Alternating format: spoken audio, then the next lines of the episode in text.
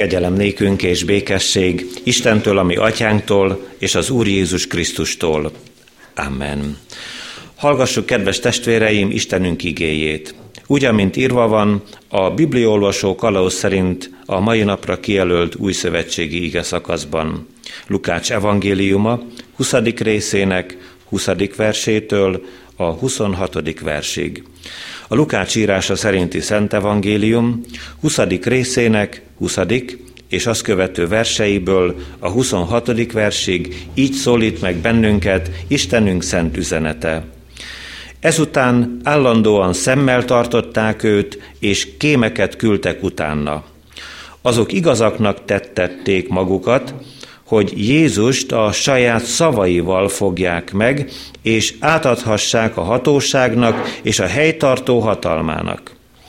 Ezek megkérdezték tőle, Mester, tudjuk, hogy helyesen szólsz és tanítasz, és nem vagy személyválogató, hanem az igazsághoz ragaszkodva tanítod az Isten útját.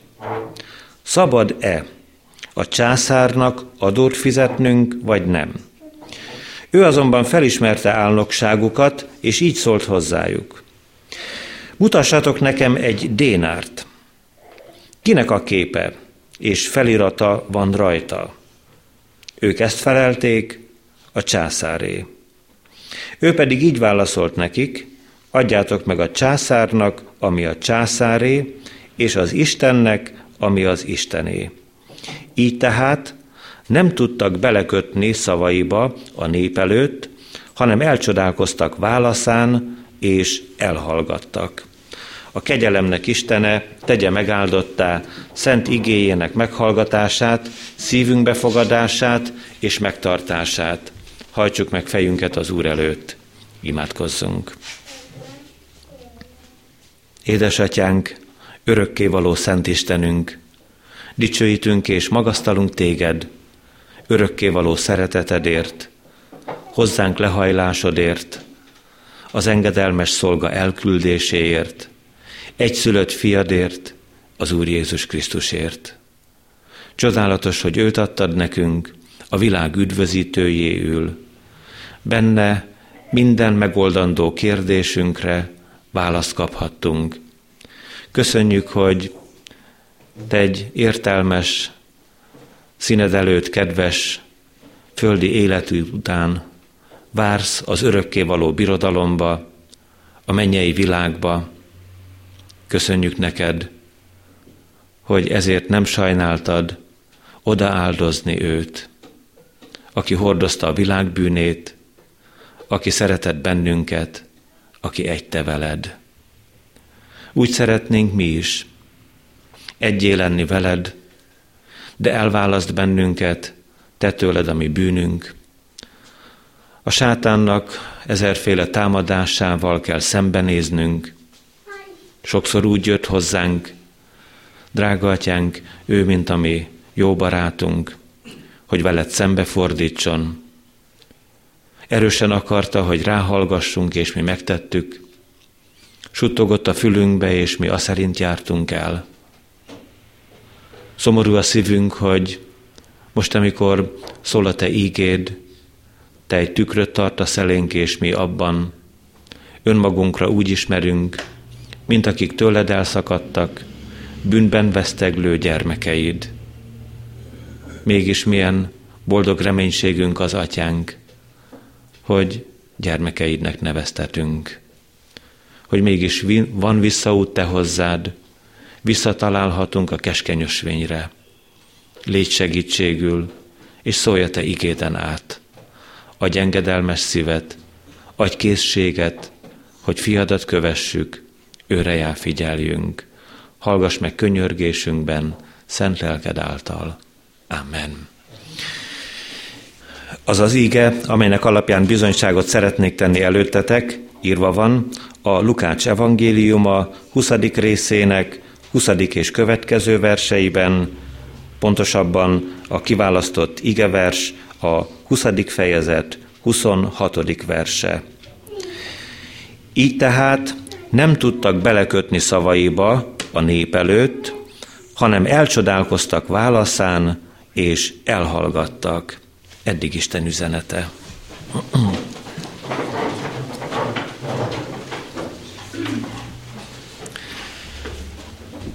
Szeretett gyülekezet, kedves testvéreim! Akár ezen a délelőttön megszólíthattalak volna benneteket úgy, hogy kedves adófizető testvéreim. Lehet ugyan, hogy a nyugdíjas testvéreket már nem terheli ez a kérdés, ez a probléma, valamikor mégis gyakorolták velünk együtt ezt. Amikor az adópénznek a dolgáról tanít Isten igéje, hadd keressünk meg ennek a mai bizonyságtételnek egy címet is. Az adózó Jézus és a szabad ember. Hát maga a cím, mintha ellent mondana a valóságnak, mert mi bizony adózunk keményen, ebből a szempontból nem vagyunk szabad emberek. Ha talán csak egyetlen gondolattal megállnánk a mai valóság előtt, azt mondhatjuk, hogy a pályakezdő fiatalok, amikor rátekintenek a bérjegyzékükre, igen szép számokat találnak a papíron. Aztán szembesülnek azzal, hogy a felét viszik haza, és azt költhetik el, a másik fele ilyen, olyan és amolyan adók formájában ott marad az államkasszában. Mégis előbb-utóbb meg kell értenünk a címet is, az adózó Jézus és a szabad ember. Előjáróban, ahogyan felsorolom majd azt a három gondolatot, még szeretnék néhány olyan eseményt elmondani, ami ide tartozik az adópénz dolgához. De nézzük csak, hogy mit üzen Isten szent lelke ezen a délelőttön, melyik az a három gondolat, amiben taníthat bennünket az Úr. Először tartoztok a császárnak, az adóval. Másodszor tartoztok Istennek, mind testestől, mind lelkestől. Végezetül az ige harmadik üzenete, Isten nem tartozik nektek. Különösen is az ige utolsó üzenetéhez kapcsolódik néhány bevezető gondolat, kedves testvéreim. Lehet, hogy egészen ismerős az a szólásmondás, kicsit megmosolyogtató, amikor visszaidézzük a gondolatainkban, a nyúl viszi a vadász puskát. Így vagyunk mi, Istennel szemben, odállunk elé, és ezernyi problémánk van. Felelősségre vonjuk, számon kérjük, különösen is olyan nagy bajban vagyunk, akkor azt mondjuk, ami teremtő atyánknak, miért ért engem ez és ez a csapás, hogy lehet az, hogy itt vannak körülöttem az emberek, szomszédaim, barátaim, ismerőseim, tele van a pénztárcájuk, virulnak az egészségtől, gyönyörű a családjuk, nincsen semmi gondjuk, és széles mosolyjal járnak, kelnek itt a mi köreinkben, és nekem pedig tele van a szívem fájdalommal. Hát kedves testvéreim, majd az ige utolsó üzenetében kapunk arra feleletet, hogy semmilyen módon életünknek legnagyobb mélységeiben se vádoljuk a mi Istenünket. De miért említettük ezt a közmondást? A nyúl viszi a vadászpuskát. Azért, mert ebben a bibliai történetben az előző ige szakaszban megtaláljuk azokat az embereket, akik vizsgáztatni akarják Jézus Krisztust. Így van felsorolva ez a társaság, a főpapok, az írástudók és a vének. A vének tanácsa, úgy is mondhatnám, hogy Izrael népének a miniszterei, elkapják Jézus Krisztust, és felteszik neki ezt a kínzó kérdést, kell-e adót fizetnünk a császárnak? Azért kérdezik őt, hogy törbe csalják. Sőt, azt is olvassuk, hogy kémeket küldenek utána. Ezután állandóan szemmel tartották őt, és kémeket küldtek utána. Ha egy pillanatra is belegondolunk ebbe a valóságba, hogy az Úr Jézus Krisztus Isten fiaként eljött ide mi közénk, és minden lépését figyelik. Olyan helyzetbe hozzák, ami szinte elviselhetetlen. Egyébként a kiemelt emberek ma is úgy élnek, járnak közöttünk, hogy kémek veszik körül. Csak ők ezt nem tudják. Nagyon sokakat megfigyelnek az egész világon, és itt Magyarországon is.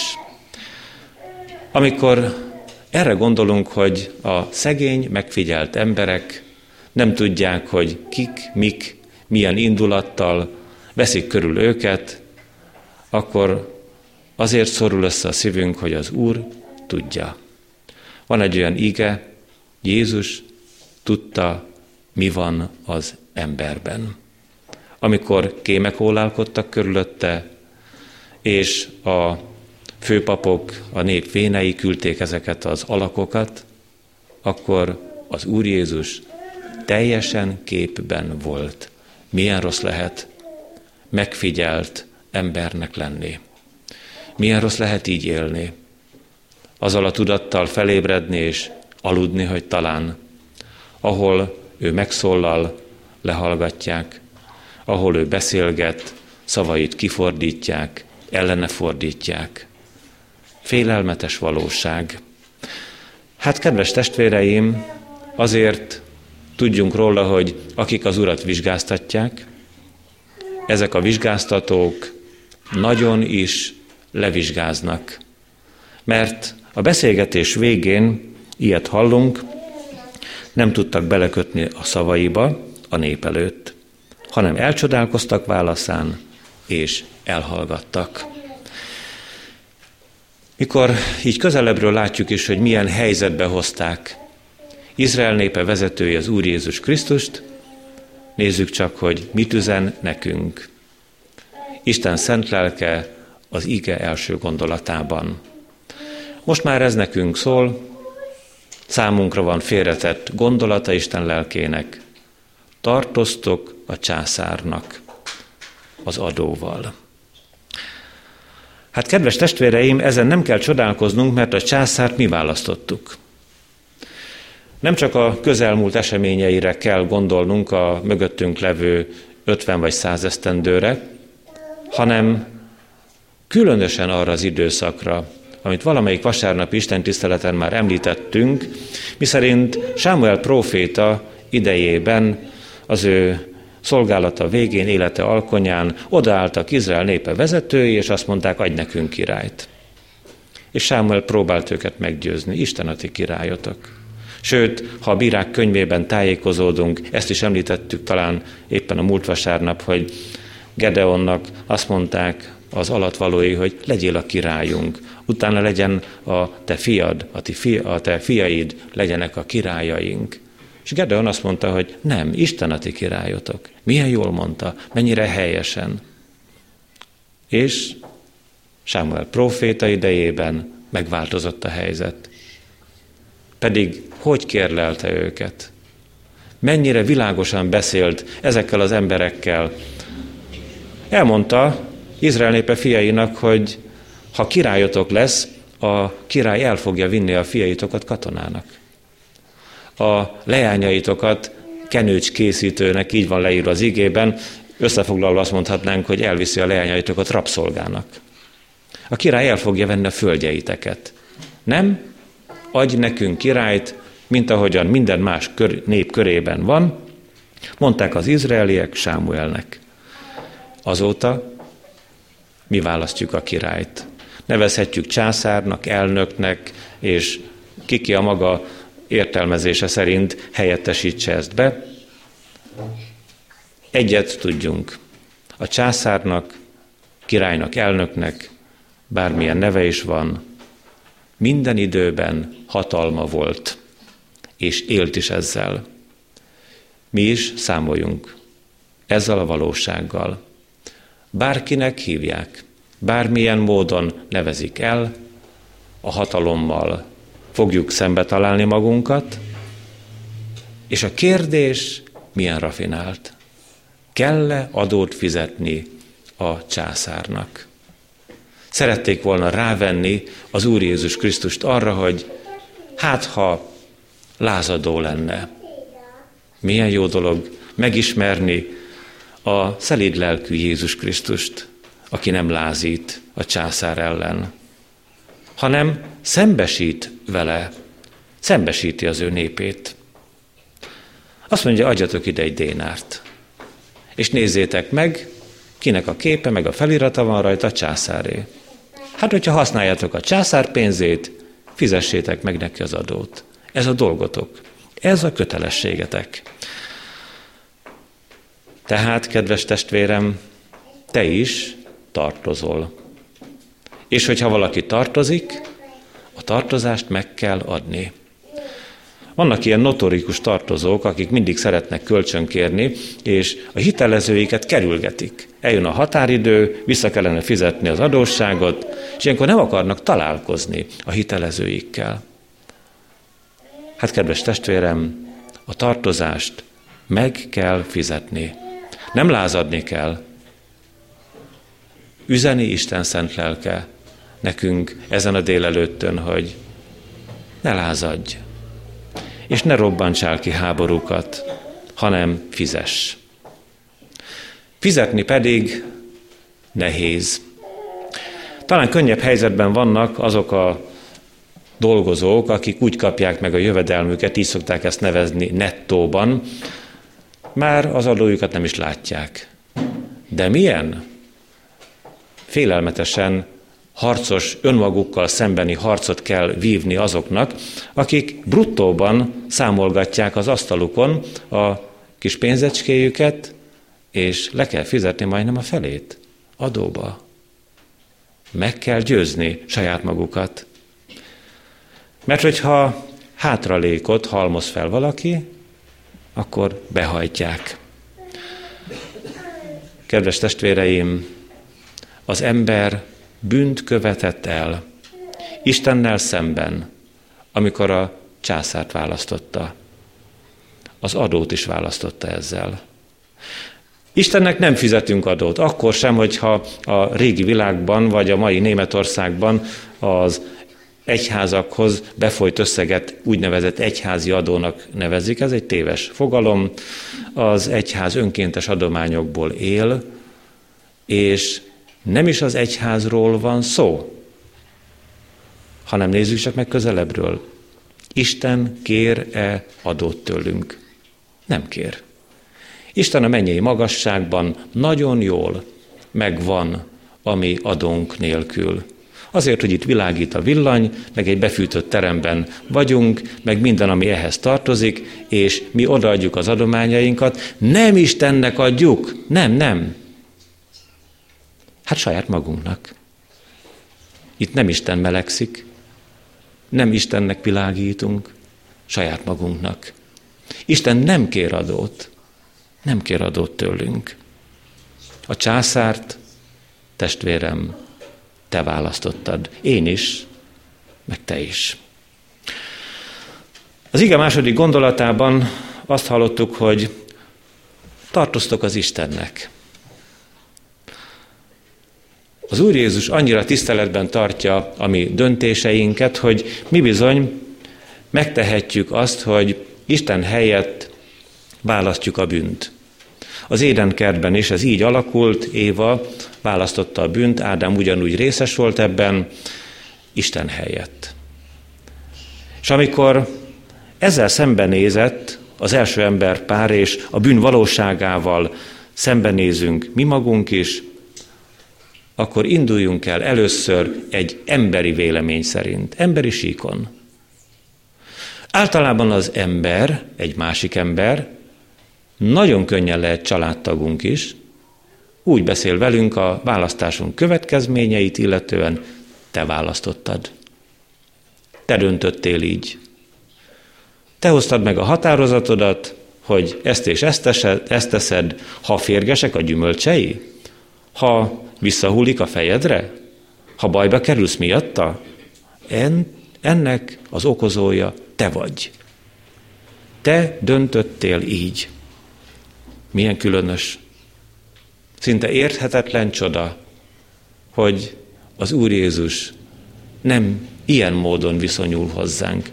Nem olvassa a fejünkre, hogy Ádám és Éva úgy választott, ahogy, meg mi a mindennapi dolgainkban számtalan esetben százból nyolcvanszor úgy választunk, ahogy az Úr ellen, hanem szeretné megértetni veled.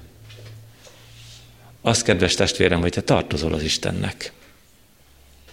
Tartozol az életeddel, mind testestől, mind lelkestől. Így olvassuk a Heidelbergi KT-ban, és mégis nem herezis, azaz nem téves tanítás, amit én most szeretnék külön választani, és úgy mondani, hogy alapvetően nem, nem az életeddel tartozol az Istennek, hanem, hanem a bűneiddel. És amikor erről gondolkozunk, szeretett testvéreim, akkor egy nagyon éles mesdjén járunk. Mert az életünket és a bűneinket a lehető legnehezebb szétválasztani, mint ha hozzánk nőttek volna. Mintha járnának utánunk, előttünk, körülöttünk, bennünk vannak, pedig mi a bűneinkkel tartozunk Istennek. Nézzük csak meg közelebbről ezt a tartozást. Én azt mondom ti nektek, kedves testvéreim, hogy kifizethetetlen. Kifizethetetlen adósság, amivel mi szembe kell nézzünk, amikor a bűneink ránk szakadnak. Van egy bibliai történet, próbáljuk a gyermekkori emlékeinkből visszahozni, több mint valószínű be fog ugrani. A gazda elszámolásra hívja adósait. Odahoznak elébe egy embert, aki tízezer talentummal adós, nem tud fizetni. Egyébként teljesen természetes, hogy nem tud fizetni, mert a tízezer talentum kifejezhetetlen összeg, egy talentum 44 kiló arany. Tehát egy országnak a vagyona, és Magyarország vagyona biztos nincs annyi, mint tízezer talentum, fizetésképtelen. A gazda ezt átlátja, és elengedi az adósságát. De azért ott írva van, hogy ez az ember könyörgött a gazdájának. Könyörgött, hogy bocsásson meg neki. Elengedte az adósságát. Aztán kilép a gazdájától ez a nagyadós, és ott van a kisadós. Száz dénárral tartozik neki az a másik ember, és a nagyadós folytogatja a száz dénárral tartozó szerencsétlen embert, megfizethető adósság. Minden nap legalább egy dénárt jó munkával lehet keresni. Száz napi munka, megfizethető. És azt mondja tízezer talentummal adós, hogy menj a börtönbe. Nem engedi el neki. Amikor ezt a példázatot mondja el az Úr Jézus Krisztus, rólunk beszél. A mi adósságunkról, a mi legnagyobb tartozásunkról, mi szerint mi nem tudunk megbocsátani. Péter kérdezi a tanítványok közül az Úr Jézust, hogy hányszor kell nekem megbocsátanom, és erre a kérdésre mondja el az Úr ezt a nagyon szép példázatot. Hányszor?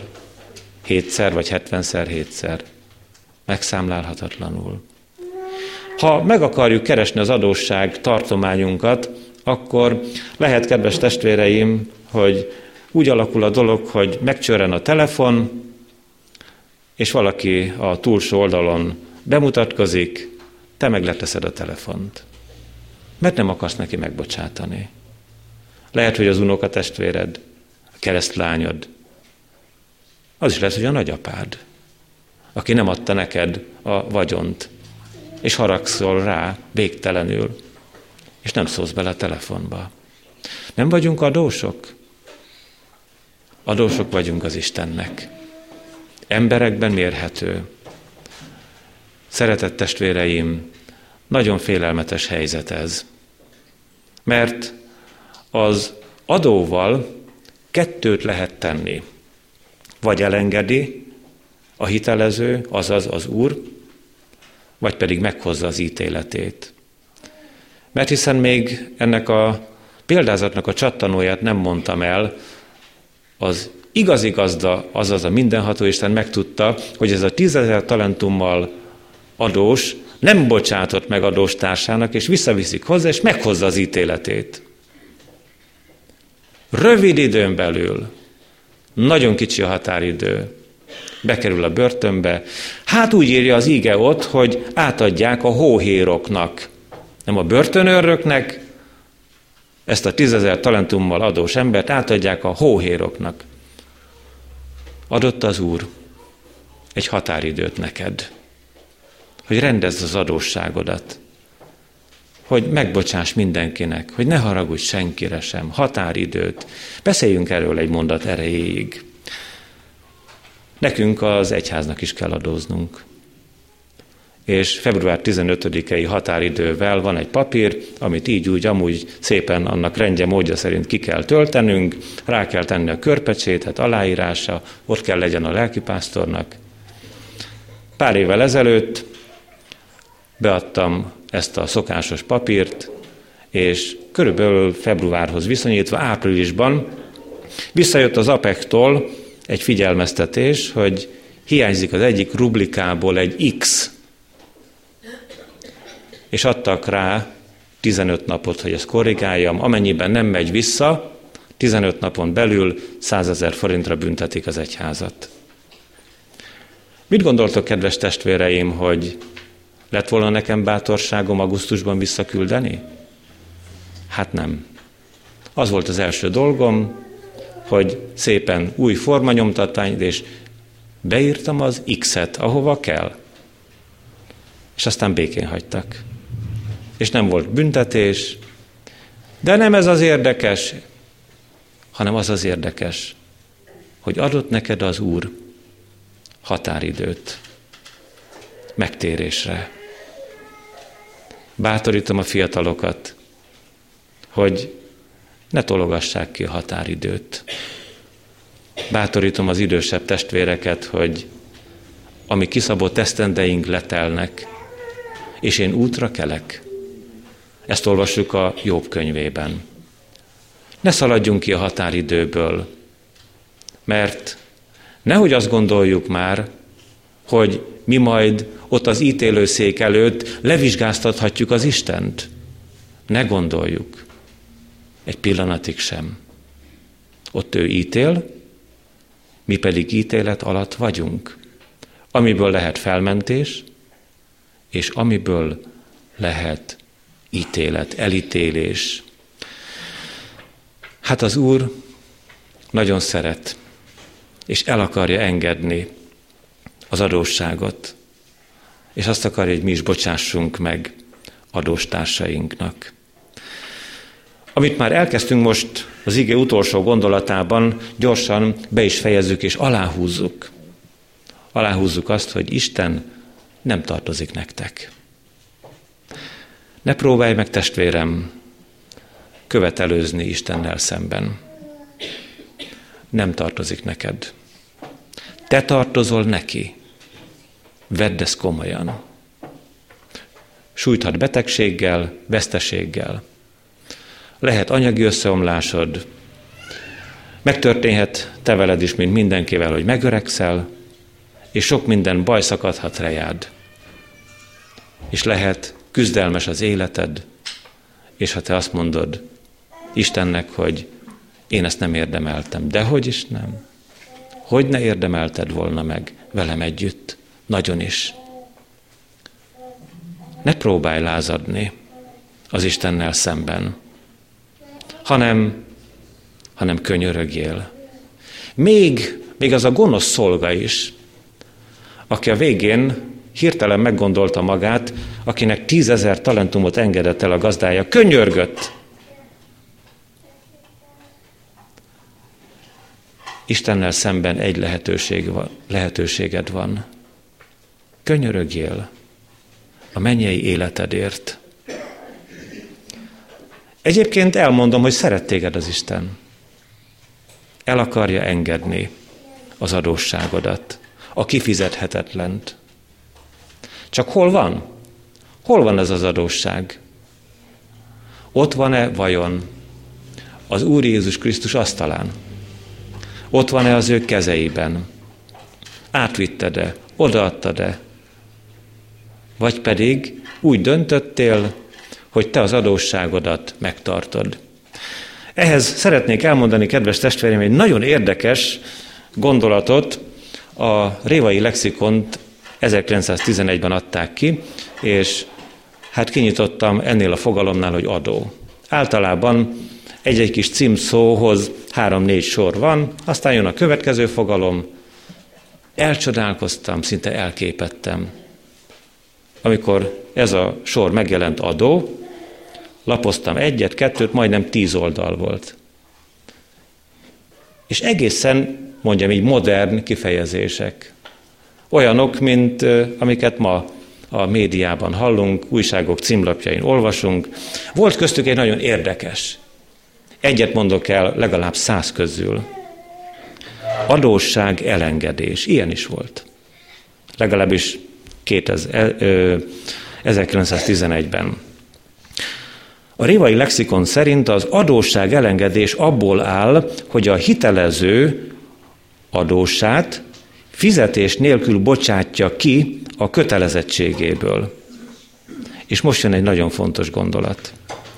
Az adósság elengedéshez az adós hozzájárulása is szükséges.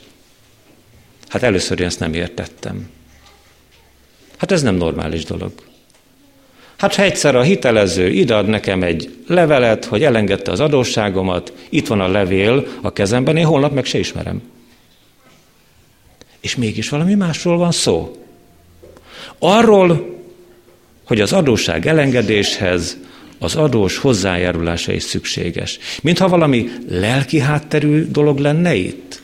Biztos, hogy nem, mert, mert ez egy száraz adótörvény, ezt meg kell fejteni a szakértőknek, de én valami ilyesmit érzékeltem, hogy, hogy akinek elengedik az adósságát, az úgy érzi, hogy, hogy hálával tartozik a hitelezőjének. És hogy nem akar hálás lenni, nem akar elkötelezett, nem akar lekötelezett lenni. Hát, hogyha az adósság elengedés törvényében 1911-ben ez így volt, kedves testvéreim, legalább annyiban jó ez a törvényi rendelkezés, hogy megértsük a leglényeget ahhoz, hogy a te adósságodat elengedje az Isten, oda kell írni a nevedet. Oda kell adni az életedet Jézus Krisztusnak. Az életedből mi csodát? A az adóssághalmazt, a bűneidet. Oda kell adni Jézus Krisztusnak, és ott kell legyen a neved, hogy te ehhez hozzájárultál. Elképesztő dolog, hogy nem ront rá a bűneidre Jézus. Nem ragadja el te tőled úgy, hogy akaratod ellenére. Ha neked kellenek a bűneid, hát tessék, a tied. Ha viszont te Jézus Krisztushoz viszed. Ha átélted, megtapasztaltad, hogy megszámlálhatatlan adósság ez, akkor ő átveszi. És Isten keresni fogja a bűnt. Bizony keresni fogja a bűnt. Vagy rajtad, vagy Jézuson. A bűn nem tűnik el a semmibe. Vagy Jézuson lesz, vagy te rajtad. Hát testvérem, ha te vagy olyan bátor, hogy majd magad kezeskedsz magadért, Isten színe előtt az ítélet napján, akkor ez is a te felelősséged. De az Úr, a mindenható Isten azt ajánlja, add oda Jézusnak a bűneidet. Ő elbírja. Te össze fogsz omlani alatta. Te nem fogsz tudni semmit sem mondani azon a napon az ítélőszék előtt Jézus nélkül. A tiszta és szent Isten meghozza az ítéletet. Aki megtartotta magának a bűnét, az kárhozatra méltó. Aki átadta a bűnét Jézus Krisztusnak, az üdvösségre való. Akkor is, hogyha rablógyilkos volt és keresztre feszítették, akkor is. Nem a bűnnek a nagysága itt a döntő, hanem a megtartott volta, vagy a leadott, átadott volta. Jézusnál van é a számlád. Vagy pedig a te lelki asztalfiókodban őrzöd, kellenek neked. Még annyit hadd mondjak el, hogy vajon, amikor Isten azt mondja, hogy ő szeret, és add át Jézusnak a te bűneidet, akkor milyen ható ereje van az ő szeretetének? Hát Isten szemében a te életed bűneiddel, sokféle nyomorúságoddal együtt annyit ér, mint a Jézus élete. Jézust a te bűneidért és az én bűneimért feszítették keresztre. Nem a vének tanács és Poncius Pilátusnak a szövetkezése folytán. Isten akaratából ennyit ér a te életed. Egyébként, kedves testvérem, se neked, se nekem semmit nem ér az aluljárókban koszos, büdös koldusoknak az élete. Semmit. Elmegyünk mellettük. Istennek azok is, meg mi is. A szép, előkelő, konszolidált életű emberek. Annyit ér az életünk, mint a Jézus élete. Saját fiát adta oda hogy mi szabadok legyünk. De a bűn nem fog köddé oszlani. Valahol, valahol a mindenható Isten megtalálja. Ezt gondold át. Én a magam szempontjából, te pedig a magadéból. A bűnöd vagy Jézuson lesz, vagy saját magadon. Vagy én rajtam lesz, vagy Jézus vére alatt. És az ítélet egyértelműen világos. Jézusért szabadok vagyunk, Jézus nélkül kárhozatban vagyunk. Amen. Imádkozzunk.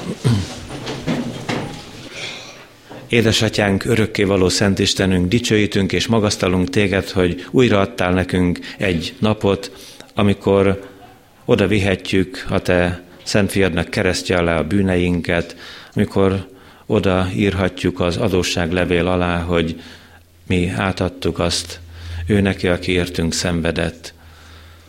Olyan megrendítő, hogy ő nem utasít el, nem kerül ki, nem mondja azt, mint mondják a legközvetlenebbi barátaink is, hogy mi döntöttünk, magunknak szereztük, lássuk a következményét. Ő el akarja venni a mi bűneinknek következményét. Köszönjük, hogy ilyen hatalmas, csodálatos és erős megváltót adtál nekünk, atyánk. Köszönjük, hogy ő benne és csak ő benne van üdvösségünk. Tedd egészen világossá előttünk, hogy ne keressünk más útakat, ne keressünk kibúvókat, ne keressünk különleges embereket, különleges egyházakat, és ne keressünk szervezeteket és ne legyen veled szemben sokféle okoskodásunk, hanem hadd menjünk reménységgel a te kereszted alá Jézus Krisztus. Hadd éljük át a szabadulás, a szabadítás csodáját, hogy te azt maradéktalanul megteheted velünk. Arra is gondolunk, drága Urunk, hogy ezek a bűnök, amelyek bennünket terhelnek, ezek után téged fognak terhelni. Ami alatt mi összeroskadtunk volna, volna azt te el tudod hordozni. Csodálatos módon ott van a válladon ennek az egész világnak a bűne. Könyörülj meg rajtunk, hogy mi is akarjunk benned szabadok lenni, benned boldogok lenni, jegyesei az örök életnek, a mennyei életnek. Őrizd meg attól, hogy bármi módon perbeszálljunk a te atyáddal, bármilyen módon követelőzzünk vele szemben.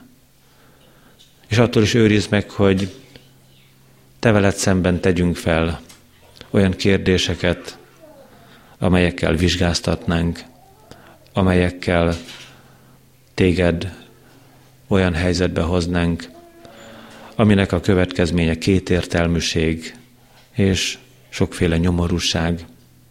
Köszönjük neked, hogy bár próbálkozik az ember, próbálkoztak régen és ma is, vének írástudók, főpapok és a ma népének főpapjai, hogy téged levizsgáztassanak. De a legvégén, Uram, csak hallgatunk. A legvégén csak csodálkozunk. És fel kell adni a mi álláspontjainkat előtted. Nem is értjük ezt a te végtelen szeretetedet. Nem is értjük azt, hogy te nem lázadásra, hanem szeretetből való szolgálatra akarsz biztatni bennünket. Áld meg a te imádkozó népedet ezekben a mi mostani időnkben. Áldj meg minket tiszta lelkűséggel, irántad való engedelmességgel, egymás felé bocsánat adással. Köszönjük Te neked, hogy Te mindent elrendeztél üdvösségünkért. Maradj velünk, és áld meg azokat a testvéreinket, akik betegségből, megfáradásból, lelki összetöretettségből, ezernyi problémák tömkelegéből kiáltanak hozzád, keresnek téged. Csodálatos, hogy te meghallgatod a szívből fakadó imádságokat, és a te dicsőségedre adsz megoldást nekünk szenvedő embereknek. Maradj velünk az egész napon át, áldj meg azokban a közösségekben, azokon a helyeken, ahol élünk, járunk, megfordulunk. Áld meg szeretteinket, családtagjainkat, őrizd meg a Te kegyelmedben. Amen. Együtt mondjuk el Jézus Krisztus imádságát. Mi, Atyánk, ki vagy a mennyekben, szenteltessék meg a Te neved. Jöjjön el a Te országod, legyen meg a Te akaratod, mint a mennyben, úgy a földön is ami mindennapi kenyerünket add meg nékünk ma, és bocsásd meg a mi védkeinket, miképpen mi is megbocsátunk az ellenünk védkezőknek. És ne vigy minket kísértésbe, de szabadíts meg minket a gonosztól, mert tiéd az ország, a hatalom és a dicsőség mind örökké. Amen. Áldjon meg téged az Úr, és őrizzen meg téged. Ragyogtassa rád orcáját az Úr, és könyörüljön rajtad. Fordítsa feléd orcáját az Úr, és adjon neked békességet. Amen.